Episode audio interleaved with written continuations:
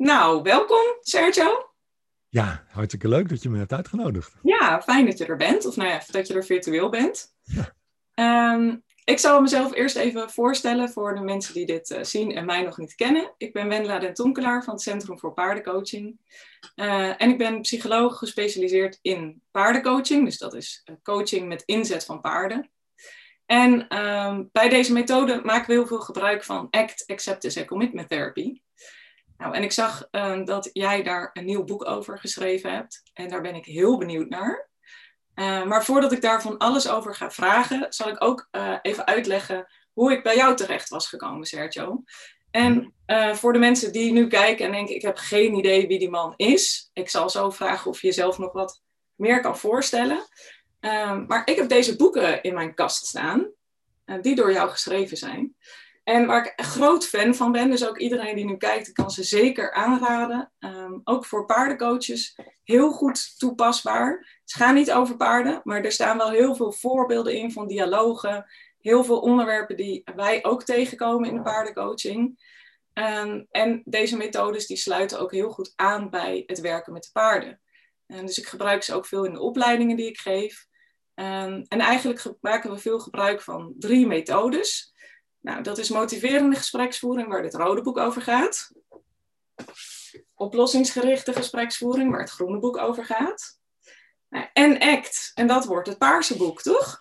Tadaa! Ah, kijk, daar is die. Ja, dan laten we ze ook eh, meteen alle drie zien. Ja, ja leuk joh, dat je zo uh, enthousiast bent over, over deel 1 en 2. Dat, ja, uh, zeker. Ja. En misschien kan je nog wat meer vertellen over jezelf en uh, nou ja, over het derde boek wat eraan zit te komen. Ja, ja Sergio van der Pluim, uh, eh, 51 jaar oud. Ik, uh, ik heb algemeen sociale wetenschappen gestudeerd ooit. En ehm, toen via verschillende banen ben ik beland in het reclasseringsveld. bij de reclassering van het leger zelfs heb ik 15 jaar gewerkt. Met veel plezier moet ik zeggen. En dat was een ontzettend rijke leerschool. Ik heb eerst vijf jaar met de doelgroep gewerkt. Uh, nou, het zijn in, in, dit geval waren dat uh, ex-gedetineerden, jongeren, volwassenen ook, mannen, vrouwen. Um, en de doelgroep van het leger zelfs is best wel complex. veel psychiatrie en dakloosheid, et cetera. Dus ja, en ik, um, ik wist eigenlijk nog niet zo heel veel van. Ik had wel heel veel, weet je wel, um, theorie in mijn rugzak. algemene sociale wetenschappen, vrij breed opgeleid. Maar ik had heel weinig praktische skills. Dus ik, ja, ik, ik, ik, ik, en ik was wel enorm gedreven. Dus vanaf begin af aan dacht ik, ik wil meer skills, ik wil meer tools, ik wil beter worden in het begeleiden van mensen. En uh, nou goed, ik ben allerlei trainingen gaan volgen, interne trainingen sowieso. Uh, maar ja, voor mijn gevoel was dat niet genoeg. Dus ik ben ook NLP gaan doen en provocatief coachen. En op een gegeven moment ontdekte ik, hé, hey, er zijn ook methodes die evidence-based zijn. Um, en op een gegeven moment kwam motiverende gespreksvoering op in het reclasseringsveld. En ik weet niet, ik, ik, las een boek van Miller en Wonnick, het, het standaardboek van, van destijds, tweede editie was het nog.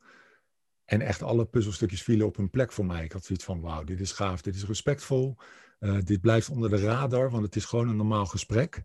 NLP was dat niet, want ja, ik kwam soms met behoorlijk exotische technieken bij zo'n ex-gedetineerde. En die had zoiets van, wat, kom jij nou mee aanzetten met je Circle of Excellence? Rot op, weet je wel, dat, werkte gewoon niet. Maar motiverende gespreksvorming werkte wel. Uh, juist ook tijdens de vele casual gesprekjes die we hadden, tijdens de afwas of tijdens een wandeling.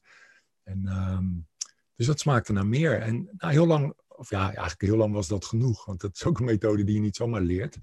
Maar ik had wel de smaak te pakken van, wauw, wat zijn er toch mooie methodes. En uh, op een gegeven moment kwam oplossingsgericht daarbij. Ook omdat ik merkte dat als mensen al gemotiveerd zijn, en je gaat dan toch motiverende gespreksvoer inzetten, dan gebeurt er iets raars.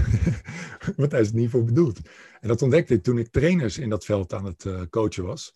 Ja, dat zijn hele gedreven mensen. Die, die zijn al gemotiveerd. Dus daar was iets anders nodig. En uh, toen ontdekte ik oplossingsgericht. En dat was daar voor mij het ontbrekende puzzelstukje. En je zou zeggen, ja, dat is toch wel genoeg. Dat, heb ik ook heel lang gedacht. Maar goed, ik had zelf ook nog een leven. en op een gegeven moment kwam ik zelf in een uh, moeilijke periode in mijn leven. Um, tweede kind was net geboren en die lag binnen drie weken in het ziekenhuis.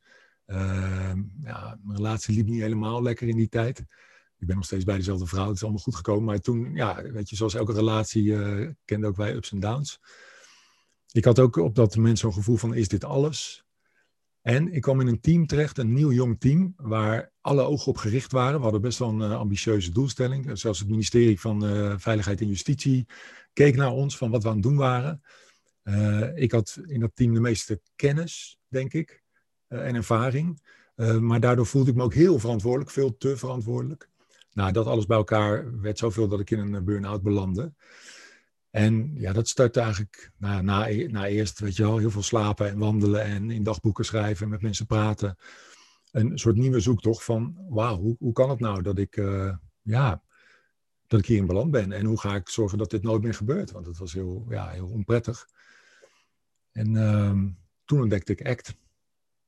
Eerst mindfulness trouwens.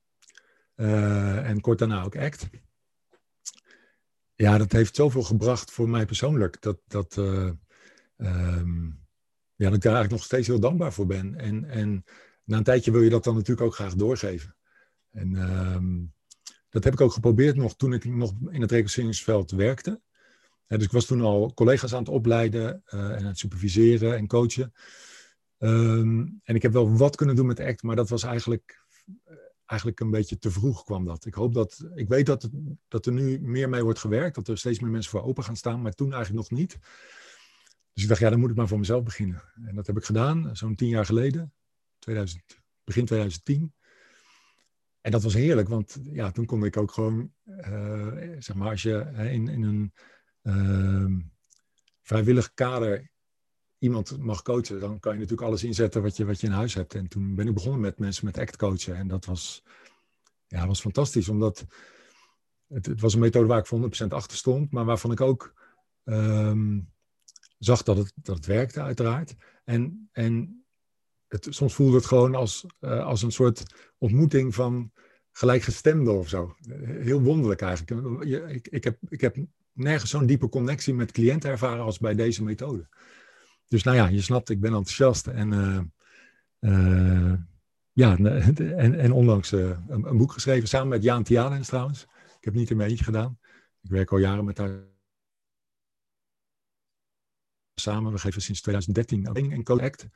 En nou, die samenwerking is zo fijn dat we dachten, laten we dat boek ook samen schrijven. En dat was een heel rijk proces. Samen naar Dublin geweest. Het Wereld Act Congres. Ehm, nou, heel veel momenten natuurlijk alleen zitten schrijven, maar ook heel veel momenten samen uh, overlegd en uh, zitten bellen, schrijven, schrappen, weer schrijven, overleggen, lezen.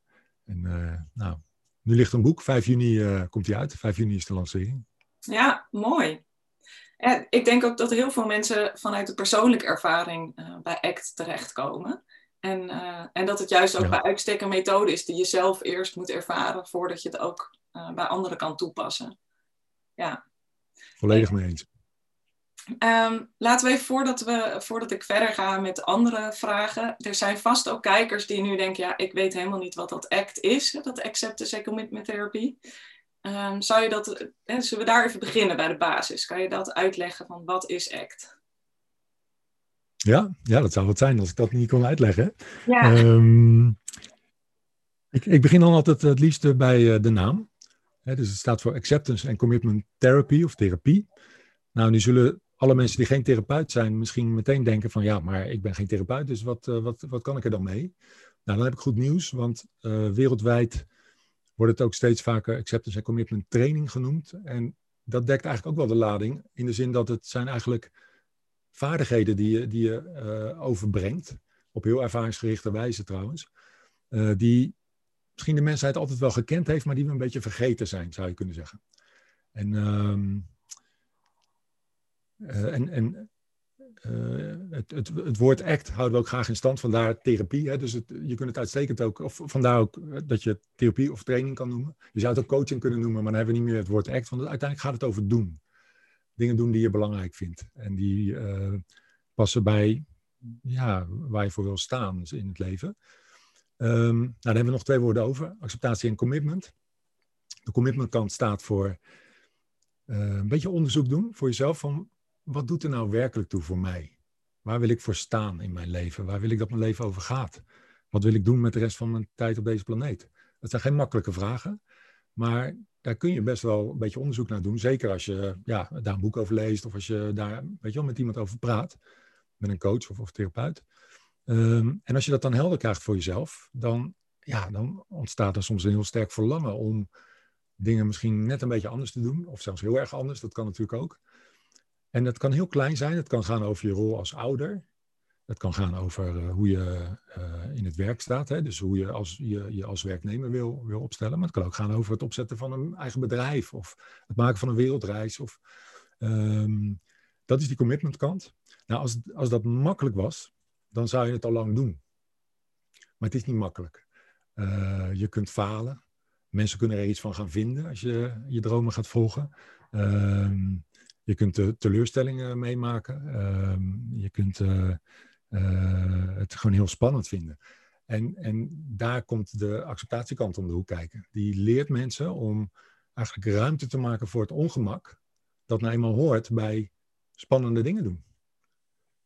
En dat ongemak gaat uiteindelijk, kan het maar over drie dingen gaan. Namelijk over je denken, je, je emoties en, en fysieke ervaringen. En ACT leert mensen om daar op een hele ja, liefdevolle, um, um, ruimtegevende manier mee om te gaan. Het is niet een weg van strijd, maar eerder een weg van uh, ervaren, toelaten, uh, mee zijn.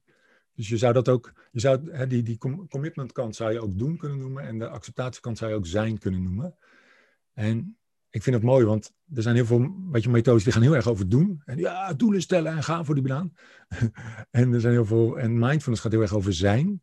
Maar dan mis je weer een beetje die doekant. En in ACT zit het allebei. En, en ik denk dat dat een van de redenen is waarom ik er zo enthousiast over ben. Ja, ja het, het is eigenlijk een heel mooie combinatie van veel dingen die er ook al altijd al waren.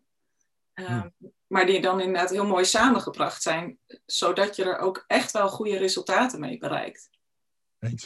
En kan je misschien nog iets vertellen over de, de doelen van ACT? Want ik vind zelf ook altijd wel mooi dat het, en zeker als je kijkt naar andere therapievormen, maar ook naar andere vormen van coaching, um, onderscheidt ACT zich ook wel met de, de doelen die je hebt.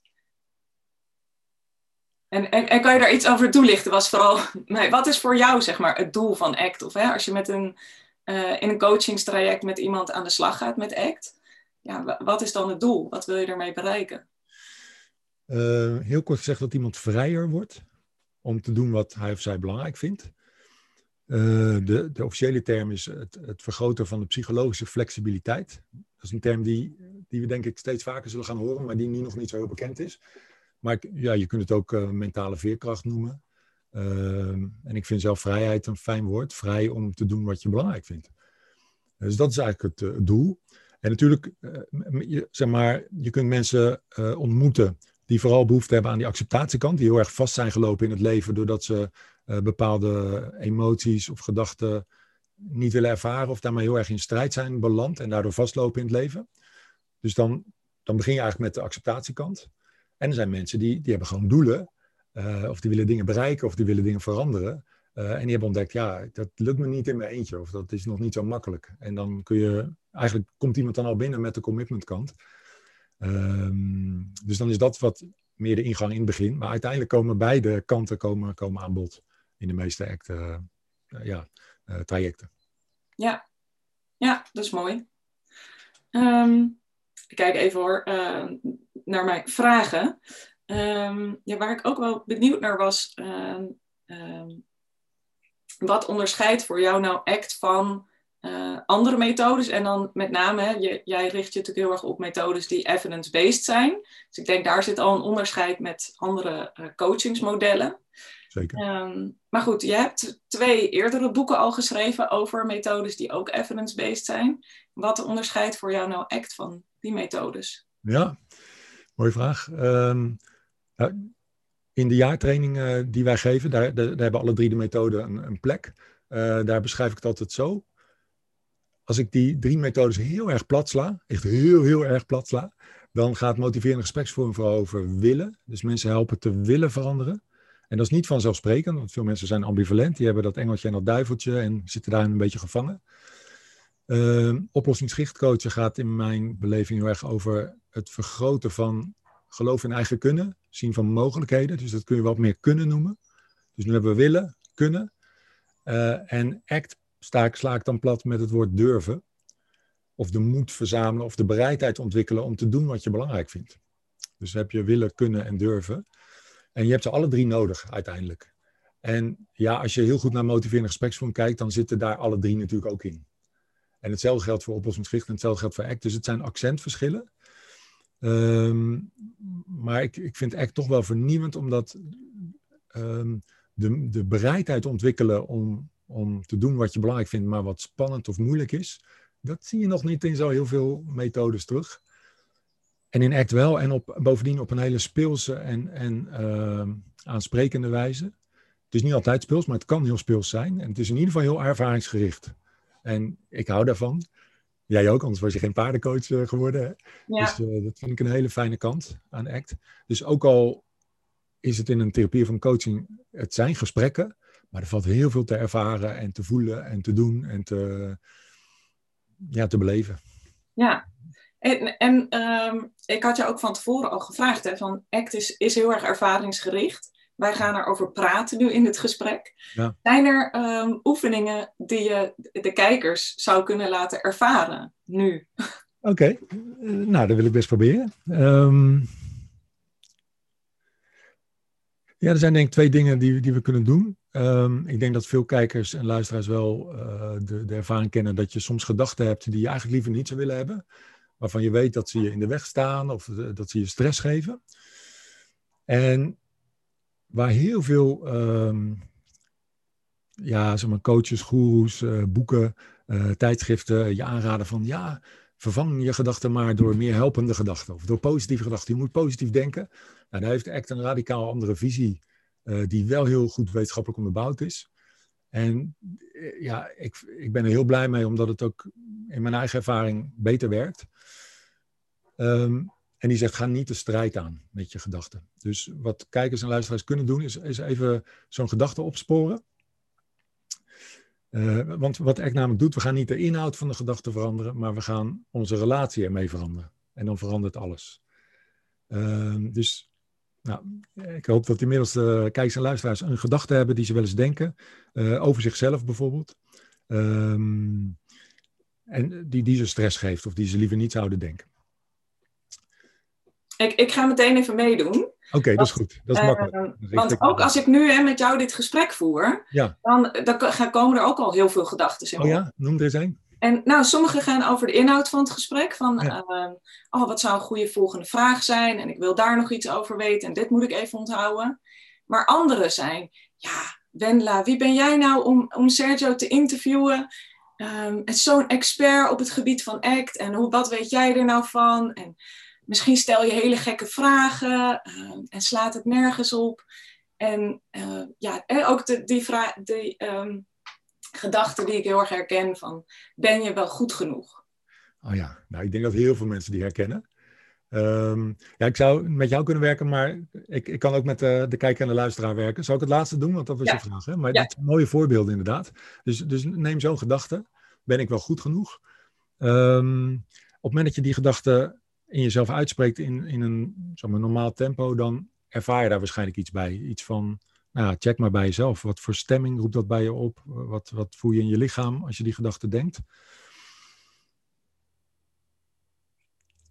Dan gaan we nu beginnen met de oefening. Nu wil ik je vragen om er een kort zinnetje voor te plakken. Een heel simpel zinnetje, namelijk: Ik heb de gedachte dat. Dus het zou in jouw geval zijn: Ik heb de gedachte dat ik niet goed genoeg ben. En zeg nu dit is in jezelf. En dan met je eigen, eigen gedachten uiteraard. En merk eens op welk verschil geeft dat in, in je fysieke ervaring, in je stemming.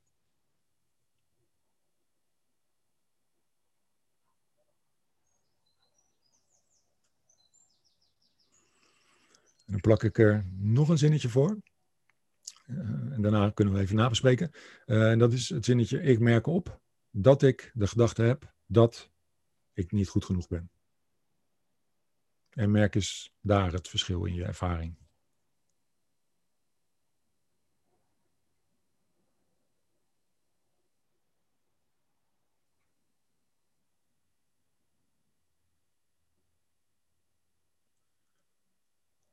Okay, tot zover. Wat, wat, uh, welk verschil merk jij, Wendela?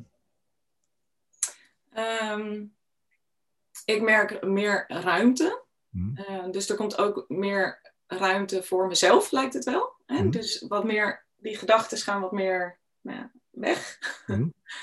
Eh, en er is meer ruimte voor mezelf om ook te kijken van, ja, wat, wat doe ik met die gedachten? Het is een gedachte. Doe ik Ja. er iets mee of niet? Ja, dus je krijgt meer ruimte en ook meer keuze zo te horen. Ja, Ja, mooi. En, en de gedachte wordt eigenlijk niet meer dan ja, wat die is, namelijk woorden in je geest of plaatjes, dat kan ook. Ja, en Ja. ehm, dat hoor ik van veel mensen, dat dat hun ervaring is. En, en dat de gedachte ook minder impact op je heeft, of je minder eh, in de band bent van die gedachte als het ware. Dus het geeft veel vrijheid. Maar het mooie is dat je dus niet de strijd hoeft aan te gaan met die gedachte. Hij mag er gewoon zijn, hij hoeft niet per se weg. Maar je kunt wel een beetje afstand ontwikkelen. Ehm, nou, dit was over het denken. Als je wil, kan ik er ook nog eentje doen rondom het voelen. Korte oefening. zeker. Ja. Luisteraars, kijker, eh, eh, kijker, kijkers en luisteraars, ja. Ehm, nou, iedereen die hier nu naar luistert of kijkt, die, die bevindt zich waarschijnlijk in een bepaalde positie. Die zit op een stoel, of die, misschien zit je in de auto, of misschien ben je aan het wandelen met een podcast, of, of wat het ook is. Maar laten we even vanuit gaan dat je in een stoel zit. Ehm, als wij dingen voelen die we niet fijn vinden, dan is er vaak een soort innerlijk verzet of zo. Eh, eh, ja, je bent misschien heel erg boos, maar je kunt, daar even, je kunt daar niks mee, want de persoon waar je boos op bent, die is hier nu niet, bijvoorbeeld. Eh, of dat is een autoriteit waar je dat ja, niet zo makkelijk vindt om tegen te zeggen. Of je bent heel erg gestrest of bang of heel erg verdrietig. Ehm, en stel dat je dat niet wil voelen, ja, eigenlijk is er dan een soort innerlijk verzet tegen die emotie. Die emotie is er al. Helaas kun je die niet zomaar wegtoveren. Eh, dat proberen we wel hè, met, met drugs en alcohol en met chocola en met Netflix, maar, maar eigenlijk kan dat niet zo goed. Eh, en als we dat toch proberen, dan is het eigenlijk alsof je nee zegt tegen wat er hier nu is in jou. En dat wil ik eens laten ervaren, wat er gebeurt als je je verzet tegen wat er hier nu is. Eh, en het lijkt misschien heel raar, maar dat kunnen we oefenen door bijvoorbeeld te doen met de stoel waar je op zit. Want dat is ook een fysieke ervaring. En waarschijnlijk is het een aangename, maar dan nog. Uh, ervaar eens voor jezelf wat er gebeurt als je in jezelf zegt: nee, deze stoel is niet oké. Ik wil hier niet op zitten. Uh, het klopt niet dat ik op deze stoel zit. Het is een rotstoel. Nee. En merk eens wat dat doet in je lichaam, in je ervaring van het zitten in een stoel.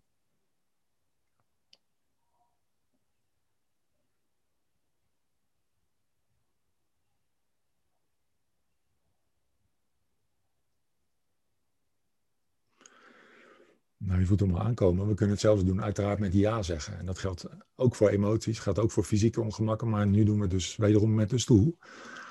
Dus zeg nu eens in jezelf, ja, het is oké. Deze stoel is, die klopt voor mij. Het is oké dat ik nu op deze stoel zit. Uh, ik zeg ja tegen de ervaring van in deze stoel zitten.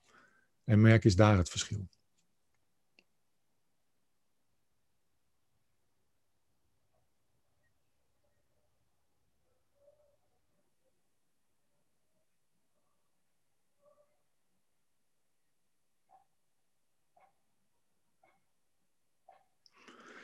Nou, hetzelfde zou je kunnen doen met een, een voorwerp in de ruimte.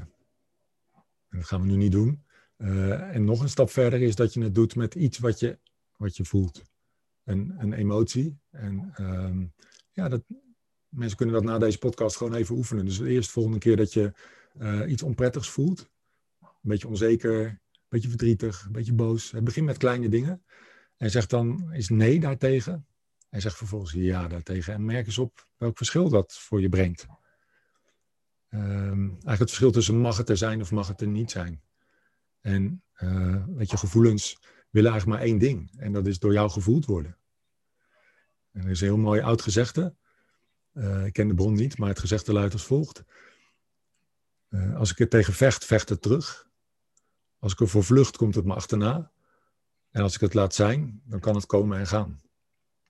En ik vermoed dat het gaat over gevoelens. En, uh, dus dat is wat je wil. Je wil een, uh, zeg, zeg, maar, uh, een ruimte zijn waarin gevoelens mogen bewegen, mogen stomen, mogen komen en gaan. En dan is er heel weinig verzet en dan, ja, dan word je wat meer als een kind. Jantje lacht, Jantje huilt, weet je. Nu is er boosheid of verdriet en nu is er weer blijheid. En dat mag gewoon allemaal stromen, dat mag er allemaal zijn. Dat geeft heel veel vrijheid. Ja, ja en ik denk dat dat ook iets is wat, wat best wel een omschakeling vraagt vaak van mensen. Hè? Omdat in de maatschappij het er niet altijd mag zijn. Hè? En er ook vaak gesuggereerd wordt van um, je moet de hele tijd blij en gelukkig zijn. En als je dat niet bent, dan doe je zelf niet genoeg je best. Of dan moet je meer je best doen om de hele tijd blij en gelukkig te zijn. Ja, dat is een hele dominante boodschap. Ja. Elke reclame, elke Hollywoodfilm en elke Instagram-post uh, lijkt daarover te gaan, hè? Ja. Ja. Ja. en zo is het leven natuurlijk gewoon niet. Nee. En het zou ook raar zijn als het leven alleen maar bestond uit ups, ups, ups. Ja, dan, dan vallen ze ook niet meer op, hè? Dan, dan, ja, Nee. Hetzelfde als dat het uh, uh, altijd mooi weer is, dan is het niet meer bijzonder dat de zon schijnt. Ja, Ja, ja en ik denk ook, hè, als je dit, dit zo ver- ja, vertelt over je gevoelens, ja zeggen tegen je gevoelens.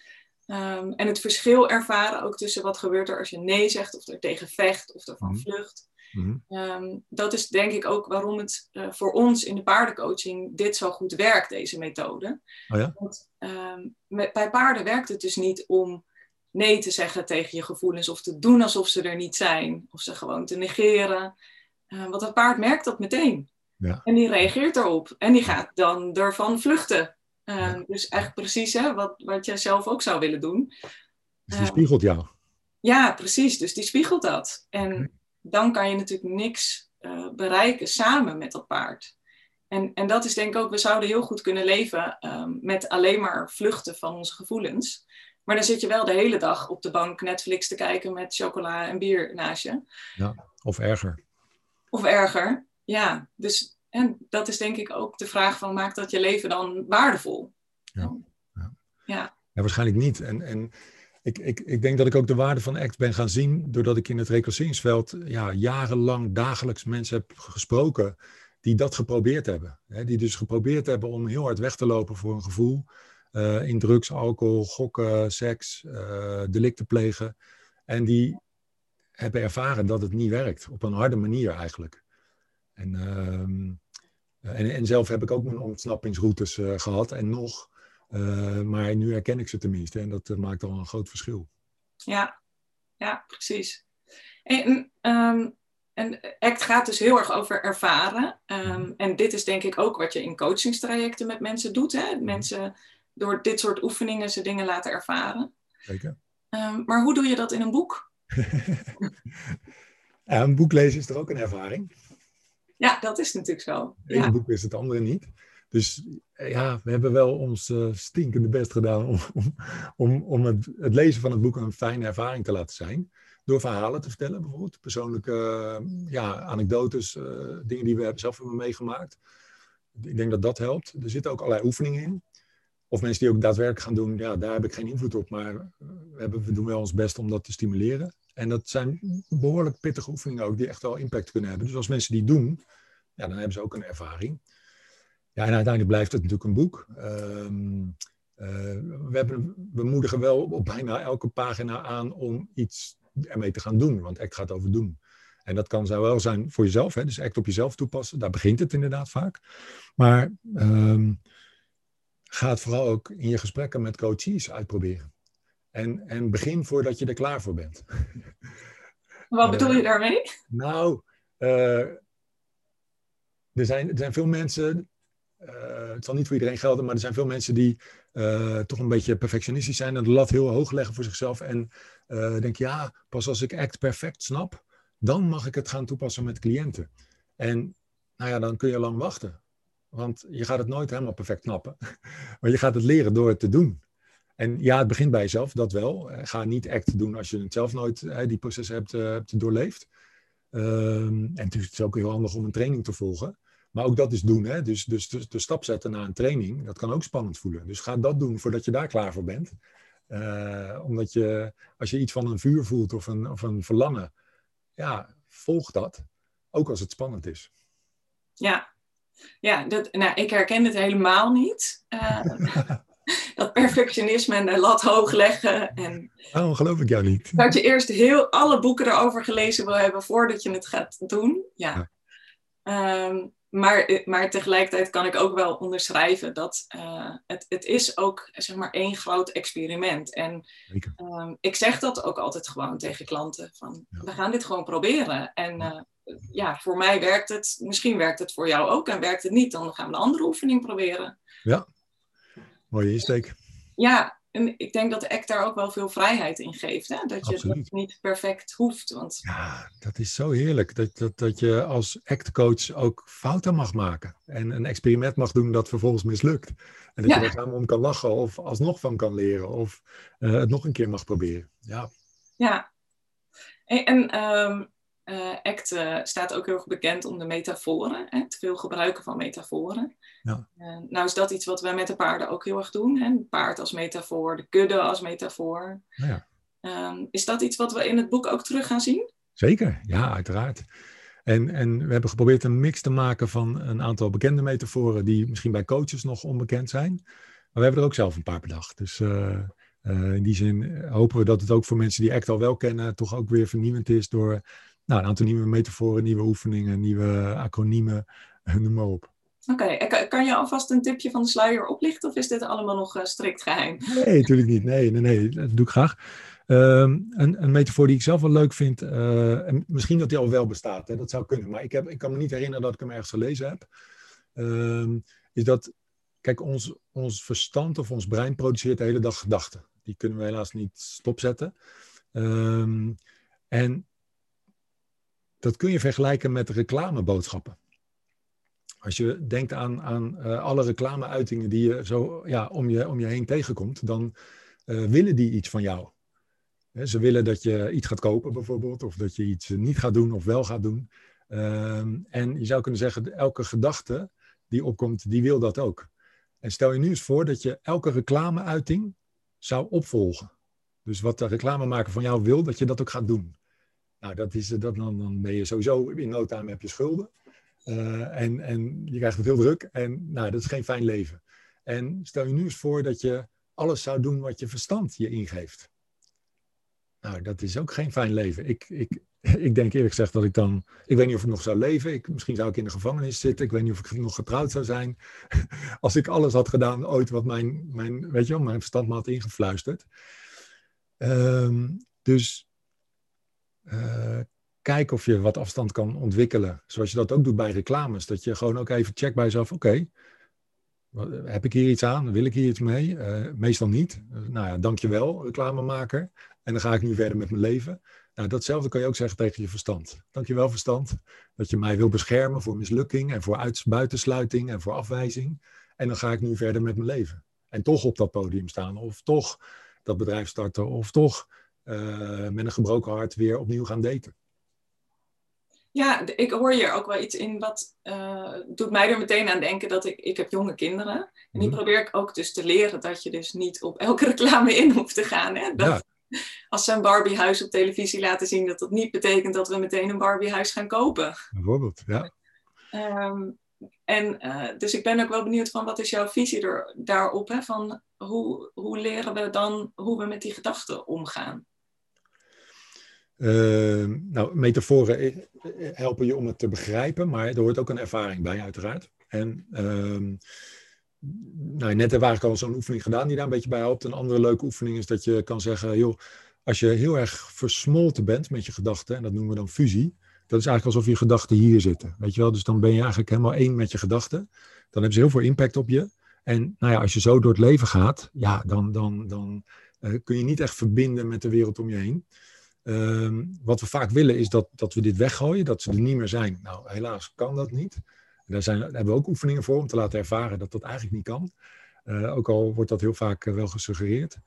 Um, en je kunt dus een beetje afstand ontwikkelen. Dus dat je, ja, de gedachten zijn er nog steeds. Ik kan ze zien, ik kan ze horen, maar ik kan me ook, ik kan jou zien, ik kan me verbinden met de wereld om me heen. En nog een stap verder is dat ik mijn handen op mijn schoot leg. Ze zijn er nog steeds. Ik kan er naar kijken, ik kan ze horen en zien. Maar ik hoef er even niet zoveel mee. En ik kan doen wat ik nu belangrijk vind, zoals dit gesprek met jou voeren. En het leuke is als je dat doet, uh, je, je, je biedt dit één keer aan als een soort oefening. De meeste mensen ervaren dan wel van, oh ja, dit geeft ruimte. Je, je, ik doe het nu met mijn handen, maar je kunt het ook doen met de gedachte op een kaartje geschreven. Precies diezelfde drie posities.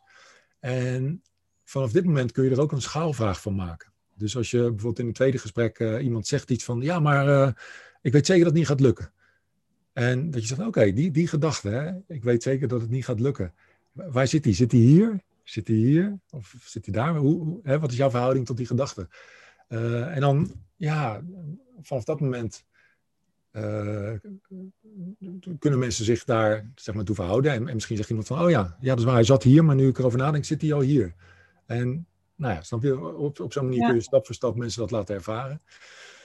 En uh, ja, en het kan nog veel gekker en speelser. Uiteindelijk uh, kun je zelfs uh, dat soort gedachten op melodie zetten of met een gek stemmetje uitspreken.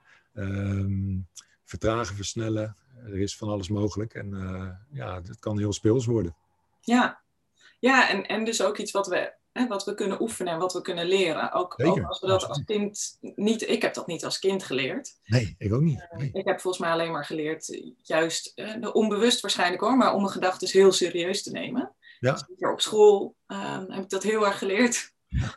Uh, maar dat is wel iets wat je, la in je later in je leven ook nog echt kan leren. Absoluut. Het is, dat, dat, is, dat geldt eigenlijk voor elk actproces. Het zijn allemaal vaardigheden die je kunt leren. En in die zin, uh, ja, mijn opleider, of een van mijn opleiders, Peter Baldé, die zei ook eigenlijk is ACT een vaardigheidstraining. Ik vond het wel een mooie manier van kijken, omdat het juist dan ook beschikbaar wordt voor docenten, coaches, uh, iedereen die geen therapeut is, maar toch met mensen werkt. Ja, ja, precies. En je, je noemde net ook al iets over hè, dat je, uh, het viel me op in de eerste twee boeken, um, dat je veel acroniemen gebruikt. Dus ja. hè, afkortingen als ezelsbruggetje om iets te kunnen onthouden. En ja, volgens mij waren het heel veel nieuwe, althans ik was er nog niet eerder tegengekomen. Um, hebben jullie dat in het derde boek ook weer gedaan? Ik uh, vrees van wel. uh, ik, ik, geef er dit keer wel een uitleg bij. Ik, uh, we stellen voor in het boek om een nieuwe stoornis toe te voegen aan de DSM-5. Namelijk de ja, mensen die lijden aan DBVA. Namelijk het dwangmatig bedenken van acroniemen. dan ben ik, ben ik ja, wat dat betreft val ik helemaal in die categorie. Ja, nee, het is maar gekheid. Uh, maar, maar ja, ik kon het niet laten. ook hier zitten... Ja, dat werkt natuurlijk supergoed om het te onthouden. Dus, ja, dat is het ook. Ik, ik, ik heb me ook ooit een beetje verdiept in breindidactiek. en, en ja, weet je, dat soort dingen helpen inderdaad. En, en ik, ik vind het gewoon superleuk om ze te bedenken. Dus dat is het ook. Ja. Dus, kan je, er, eh, kan je er nog één delen uit het nieuwe boek, behalve deze uit de DSM? Ja, ja, tuurlijk. Uh, even kijken, wat is leuke. Nou, we hadden het net over uh, hè, dus je gevoelens ruimte geven. En je zou kunnen zeggen dat dat kan in vier stappen. En daar hebben we het woord uh, voor bedacht.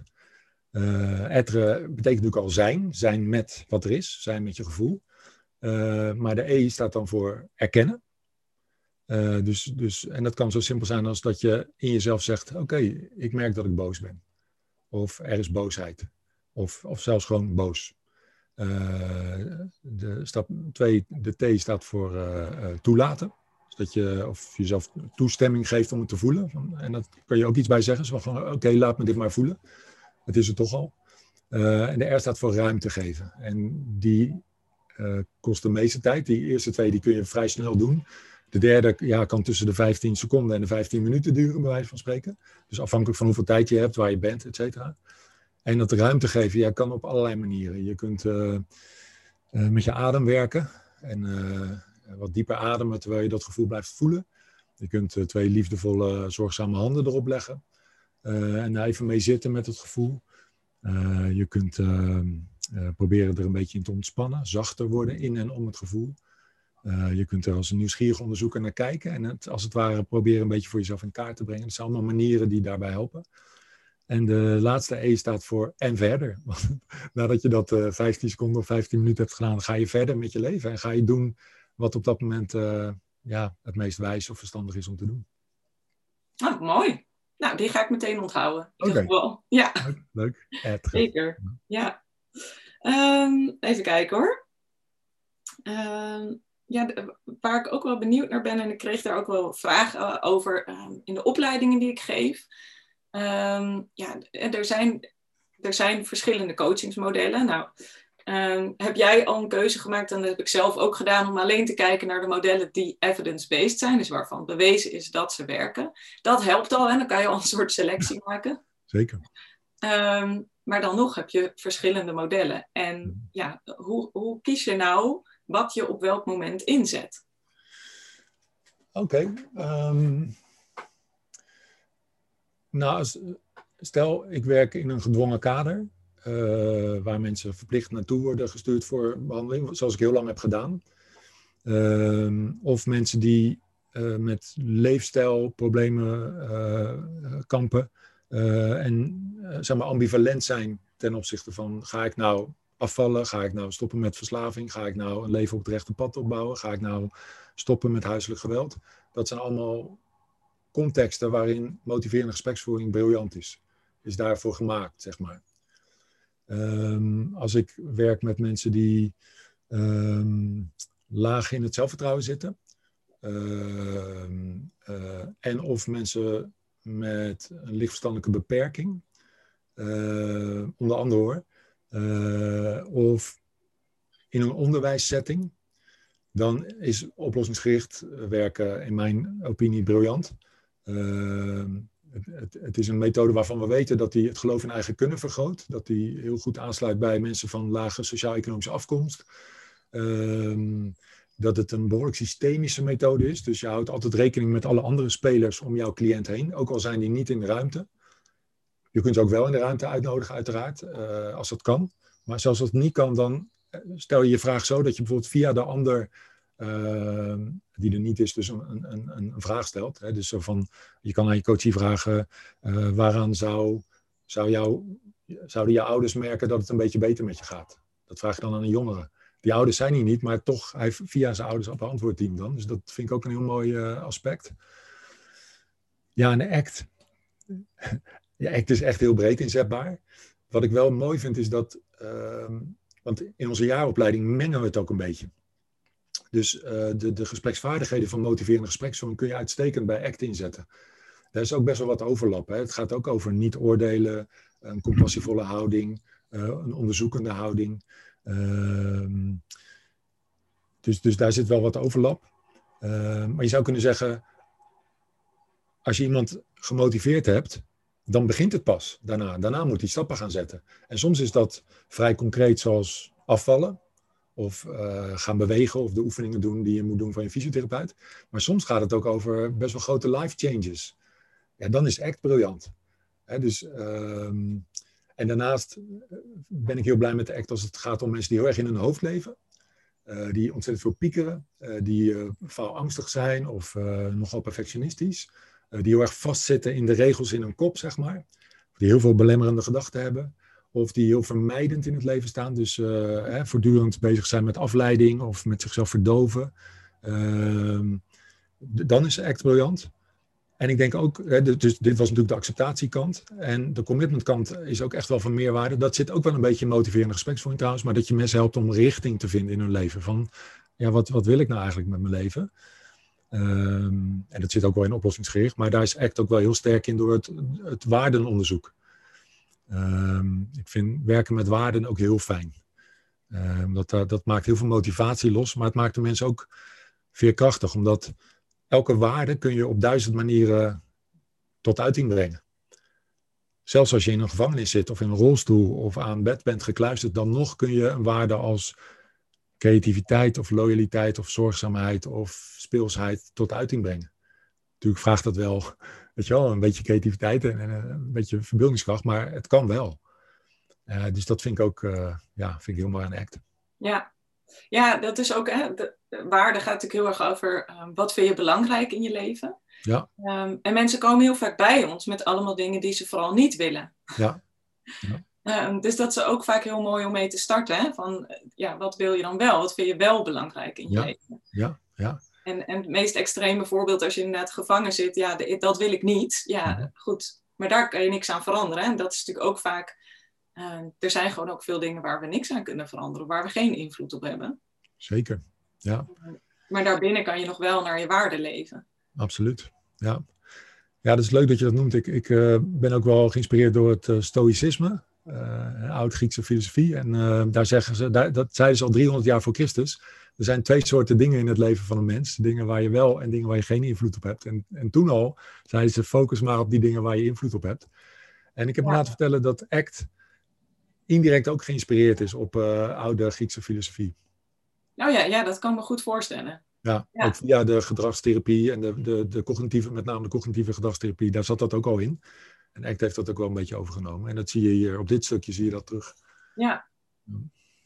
Ehm, en ehm, ik zat ook nog even te denken, eh, wat ik, wat ik zelf ook vaak doe, is, dat, of wat ik wel zie gebeuren, is dat ik in een traject ehm, de verschillende methodes inzet en vaak ook op verschillende momenten. Dus uh, ik start heel vaak uh, met een coachvraag, met de schaalvraag. Die komt natuurlijk uit de oplossingsgerichte gespreksvoering. Uh, en het is heel mooi om te onderzoeken van wat is je coachvraag nou precies. Ja. En vaak komt later in het traject komen die waarden weer naar voren. En dan gaan we ook weer kijken op de schaal van ja, in hoeverre leef je al naar je waarden en welke stappen zou je nog kunnen zetten. Um, dus zo zie ik ook wel op verschillende momenten in zo'n coachtraject die verschillende methodes weer eens. voorbij komen. Ja, dat herken ik ook. En dat is het, als je, als je ze alle drie uh, ja, een beetje beheerst, dan, dan kun je uh, ja, de juiste tool op het juiste moment gaan inzetten. En daar geloof ik ook heel, uh, heel erg in. Ik, ik, wat ik een heel mooie quote vind, volgens mij is die van Maslow. Wie alleen maar een hamer heeft, behandelt alles als een spijker. Weet je wel? En, en ja, ja, je kunt met een hamer een schroef in een plank slaan, maar het is, gaat een stuk beter met een schroevendraaier. Ja. maar ja, het is, ik bedoel, ik heb er tien jaar over gedaan om, om die drie methodes te leren. En dat zal bij jou ook niet in een week zijn gebeurd. Dus mensen moeten ook ergens beginnen. Hè? En uh, het maakt eigenlijk niet zoveel uit waar je begint, maar, maar begin. Ja, ja doe iets. Hè? Ja. Actie ondernemen. Ja. ja, ja um, ik had ook nog een uh, vraag gekregen van uh, iemand op Facebook. En zij vroeg, en ik denk dat het een beetje een combinatie is tussen alle drie de methodes. Oké. Okay. ze vroeg, Um, stel je liever een schaalvraag om verandertaal te ontlokken? Of ga je behoudtaal via ACT ombuigen richting verandertaal? Ja, mooie vraag. Um, wat bij mij opkomt is dat ik context mis. Ik wil weten met wat voor cliënt werkt die persoon en, en wat voor, weet je wel, in wat voor context werkt die persoon. Dus het blijft nu een beetje abstract, denk ik. Maar ja, ze gebruikt de taal die hoort bij motiverende gespreksvoering. Daar maken we onderscheid tussen behoudtaal en verandertaal. En, en uh, voor mensen die dat niet kennen, behoudtaal is alles wat de cliënt zegt wat pleit voor uh, houden zoals het is. En verandertaal gaat over alles wat de cliënt zegt wat pleit voor verandering. En met name die tweede taal wil je ontlokken. En uh, in ACT denken we niet zo in, over taal. Het bijt elkaar niet, maar dat, die termen hoor je niet in een ACT-context. En als ze dan vragen, wat doe je liever? Ja, dan, dan uh, doe ik liever wat, wat werkt met deze cliënt hier voor mijn neus.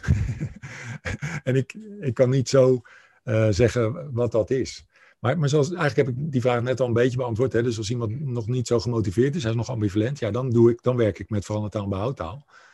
En uh, als iemand heel vermijdend is, dan werk ik met ACT. En dan, dan denk ik wat minder in die, die twee talen. Ja, ja, ik vind het wel een mooi antwoord, want je zegt eigenlijk van het hangt van de context af. Het hangt van de cliënt af, ja. waarschijnlijk ook van de coachvraag en het moment in het traject. Ja. En misschien ook uh, van de dag en hoe iemand die dag in zijn vel zit. Ja. Uh, en, uh, en eigenlijk is dat natuurlijk ook uh, waar ACT ook heel erg op gebaseerd is. Hè? Van, um, het is nooit goed of fout om een bepaald gevoel te hebben of om een bepaalde actie te doen. Maar het hangt van de context af of het je iets brengt in het kader van wat jij belangrijk vindt in het leven. Of dat het ja, juist helemaal de andere kant op gaat. Eens. En dat vind ik een hele mooie kant ook. Wacht even, ik doe even het raam dicht. Er is herrie buiten. Ja. Yes. Ja, context is uh, super belangrijk. En uh, ik, ik ben daar blij mee dat ACT daar heel uh, ja, gevoelig voor is. Ja, maar ik denk misschien ook iets wat voor coaches die voor het eerst met ACT gaan werken of een van de andere modellen, ook heel geruststellend. Hè? Dat je, uh, ja, er is niet een goed of fout. Het hangt van de context af wat je op welk moment inzet. En dan merk je dus ook wel of het goed werkt of niet. En werkt het niet goed, ja, dan probeer je weer wat anders. Ja, ja precies. Ja. ja, en dat betekent ook dat als jouw cliënt bepaald gedrag rapporteert, dat dat nog niet zoveel zegt. Hè? Dus stel iemand zegt ik sport elke dag, dan zijn we geneigd om te denken, oh dat is best wel, uh, dat klinkt goed hè. Maar ja, er zijn tegenwoordig mannen die een soort, en vrouwen ook denk ik, maar ik, ik, ik kom wel eens in de sportschool en dan zie ik mannen, maakt niet uit wanneer ik daar kom, diep mannen zijn er altijd. Ze staan ook opvallend veel voor de spiegel. Ze zijn echt, in mijn beleving, behoorlijk excessief bezig met, met, met sporten. En, en, en lang ook. De hele, ze leven in de sportschool, zeg maar. Daar komt het op neer. Nou, dat mag, weet je, ik heb daar geen oordeel over, maar ik kan me wel voorstellen dat, dat iemand dan ook andere terreinen in zijn leven ja, minder aandacht kan geven en misschien zelfs verwaarloost. En ik weet wel dat er mannen zijn die daar ook in vastlopen, zoals ook vrouwen eh, uiteraard kunnen vastlopen in uh, hoe ze met voeding bijvoorbeeld omgaan. Ehm, en dit klinkt heel stereotypisch en dit kan ook helemaal andersom zijn, dat, dat, dat loopt door elkaar, maar ik probeer even een beeld te schetsen. Dus dat iemand elke dag sport, dat zegt eigenlijk niet zoveel. En ik ken ook mensen die gebruiken ayahuasca. Uh, ik ken ze niet persoonlijk, maar ik weet dat ze bestaan. Ik, ik hoor erover in een podcast en ik zie het in documentaires. Ja, voor de een is dat een vlucht in, in middelengebruik. En voor de ander is het een heel spirituele keuze om um, ja, een, een, bepaalde geestverruimende ervaring te krijgen en daardoor dingen over zichzelf te leren. Dus hè, als iemand zegt ik gebruik ayahuasca, zegt dat eigenlijk ook nog niet zoveel. Het gaat er uit ten, ten diepste over de vraag welke functie heeft het voor je? Wat, wat probeer je ermee te bereiken? Ben je aan het vluchten of beweeg je in de richting van iets wat belangrijk voor je is? Ja, ja en, eh, en dus ook voor elk persoon heel erg uh, individueel hè? en heel verschillend. Absoluut. Ja. ja. ja. Um, ik kijk even op mijn lijstje of ik nog meer mag, uh, vragen voor je had hoor. Ja. Als je wil zou ik de Act Matrix nog even kunnen laten zien. Want met wat ik net vertelde, kwam die bij me op. En uh, ik, heb hem, ik heb hem onder de knop. Ik kan hem, kan ik screensharen? Uh, proberen? Goeie vraag. Kijk eens of je dat kan. Ja, dat kan. Ja, Oké. Okay. Okay. Tadaa. Hier is die. Hij is een model wat ik uh, nog niet eens zo heel lang ken, maar ik ben er ontzettend blij mee. Want het vat eigenlijk het hele act, uh, act-proces samen. Ik zie trouwens dat in het midden ontbreekt iets. Maar goed, oké, dit is mijn laatste versie, maar die kan ook weer beter. Hij blijft veranderen. Maar um, je kunt dit al doen met een A4'tje. Hè? Dus uh, uh, je, je vouwt hem twee keer dubbel. En dan heb je die vier velden. En dan zeg je, joh, de bovenste helft gaat over jouw buitenwereld. Je onderste helft gaat over je binnenwereld. En uh, links gaat over reactief of van, van dingen wegbewegen. En rechts gaat over proactief, oftewel naar dingen toe bewegen die belangrijk voor je zijn. En dan hoort bij elk veld een vraag. Hè, dus rechtsonder wie of wat is belangrijk voor jou in, uh, ten aanzien van het thema waarbij je in dit, naar deze coaching bent gekomen. Uh, hè, welke personen zijn daar belangrijk, maar ook welke waarden en, en welke relaties en hoe wil je die relaties uh, vormgeven. Uh, linksonder gaat het over het innerlijke ongemak, waar nou eenmaal ieder mens mee te maken krijgt. Ehm, ik laat toch even een andere zien die wat beter is. Ja, deze is beter. Oké. Ehm, het, het innerlijke ongemak, uh, waar veel mensen toch een beetje ja, vanaf willen. En uh, dan is het een interessante vraag linksboven. Wat, wat doe je? Oh, wacht, dit is ook weer een andere variant. Ik heb er heel veel. Wacht even, ik ga even de goede zoeken. Nou, dit had ik beter kunnen voorbereiden. Even kijken. Kijk, zoveel slides. Ik gebruik ze niet allemaal hoor. Hier, ik denk dat dit een goede is, hoop ik. Ja. Ja, Um, linksboven, hè, dus wat, wat doe je als je wegbeweegt van innerlijk ongemak? Als je, uh, ja, wat we allemaal met regelmaat doen, denk ik. Als je uh, jezelf probeert te verdoven of afleiding zoekt of eigenlijk niet zo goed voor jezelf zorgt. Wat, wat zien we je dan doen? En nu wordt het interessant, de laatste fase, wat zien we jou doen in de richting van wie of wat belangrijk voor je is? Ehm, als je dus leeft naar je waarden, als je eh, de persoon bent die je wilt zijn, als je uh, vormgeeft aan de relaties die belangrijk voor je zijn, wat zien we je dan doen? En nou, je ziet daar al die, die groene schuine pijl. Uh, ACT helpt mensen om in staat te zijn om van linksonder, terwijl je dus dingen voelt of, of ervaart die niet fijn voor je zijn, dan toch te doen wat belangrijk voor je is. Toch die stap te maken naar rechtsboven. En ja, er is ook een tijd en, en, een plaats voor, voor linksboven. We zullen altijd allemaal ook dingen blijven doen om onszelf af te leiden, om, om onszelf een beetje te verdoven. Dat, dat hoort ook bij het leven. Het is niet zo dat dat niet meer mag met ACT, maar het is wel belangrijk dat je een keuze krijgt. Dat je daar niet in vast komt te zitten als een automatisch reactiepatroon. En dan daarbinnen zie je OZ, dat staat voor het observerende zelf. En dat is eigenlijk dat deel van jou die, die dit alles overziet. Dat deel ontwikkelt zich al eh, als je, als je drie bent. Dan is er eigenlijk iets in jou dat observeert alles om je heen, maar ook alles in jou. En uh, dat is best wel een fijne positie waar je uh, een soort plek die je in kunt nemen. En dat geeft heel veel ja, ruimte en, en, vrijheid. En ook dat is iets wat we kunnen trainen. Is een mooie quote van Eckhart Tolle. Even kijken of ik hem zo op kan hoesten. Um,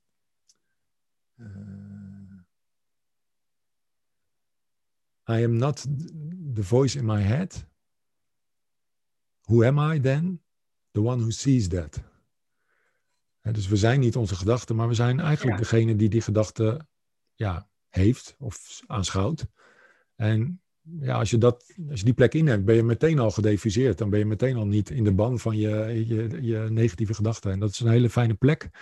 Ik moet zeggen, ja, ik, ik leer hem steeds beter kennen en heb het gevoel daar nog heel veel in te kunnen ontdekken. Maar ik merk dat dat heel erg uh, naar meer smaakt. Ja, ja, en dan komen we eigenlijk bij het observerende zelf. Ja, exact. Het midden stond. Ja, ja zeker, zeker. Ja, ja. Ja. Wat, wat zijn jouw ervaringen daarmee? Als ik vraag ja, nou, ik vind het, eh, het is mooi dat je dit model laat zien. Want ik zie meteen vormen van, oh, dat kunnen we heel mooi in de paardenbak doen. Dan maken we vier vlakken in die paardenbak. Ja. Dan zetten we in elk vlak een bordje, een krijtbordje met zo'n vraag erop. Wauw, En dan kan je er echt fysiek naartoe bewegen en jezelf die vraag stellen. ja, prachtig. Ehm, en eh, ik, ik vroeg me af van wat is dat OZ in het midden? maar dat zou dus voor mij het paard zijn. Het paard is het observerende zelf. Die Ja. observeert wat Ja. er bij jou gebeurt. Wauw. En als je je af en toe een beetje in het paard kan verplaatsen, en dat is natuurlijk ook weer een mooie metafoor om mee naar huis te nemen, eh, dan kan je af en toe denken van, oh, hoe zou het paard hier naar kijken? Zo van buitenaf met zo'n overkoepelende blik. Gaaf, ja, Ja. ik zie dat wel Ja. Ik weet niks van paardencoaching, maar ik voel wel aan dat dit heel goed zou kunnen werken. Ja, gaaf. Ja. Ja, dus ik, ik vind het heel leuk eh, om dat model te zien. En dat is denk ik ook eh, wat ik heel mooi vind aan eh, jouw boeken tot nu toe. is dat je veel modellen ook heel eenvoudig ja, terugbrengt tot de kern. Hm. En daar kan je dan als coach heel mooi meteen weer je eigen draai aan geven en het heel goed toepassen.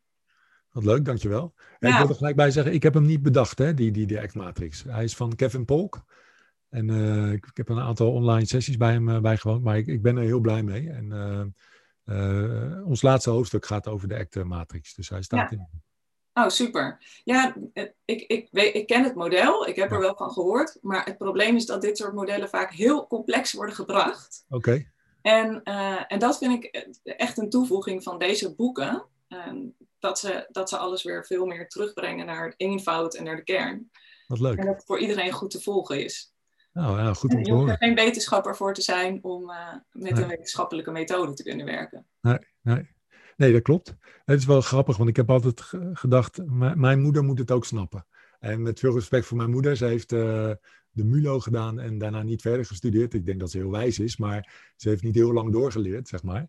Eh, althans niet op school. Eh, en, en, eh, en het leuke is, ze leest mijn boek ook en ze zegt ook, oh ja, wat heb je weer een mooi boek geschreven. Dus dat is grappig. Dus ja, dat, dat probeer ik wel te doen inderdaad. Het is fijn dat dat overkomt. Ik vind iedereen moet het kunnen begrijpen. Ja, ja dat, dat werkt goed in mijn ervaring. Oké, Ja. dankjewel Ma. Ehm, hey, ik heb verder geen vragen meer. Heb je het gevoel dat we nog iets eh, gemist hebben of een onderwerp niet behandeld hebben? Ja, ik denk dat we nog uren zouden kunnen doorpraten, maar eh, het is denk Dat ik... sowieso. Ja. Nee, het is, het is, ik heb eh, wel kunnen vertellen wat ik wilde vertellen. Ik vond het een heel fijn gesprek. Dankjewel voor je vragen en je, je aandacht. Je bent een goede luisteraar, is me opgevallen. Dus dankjewel.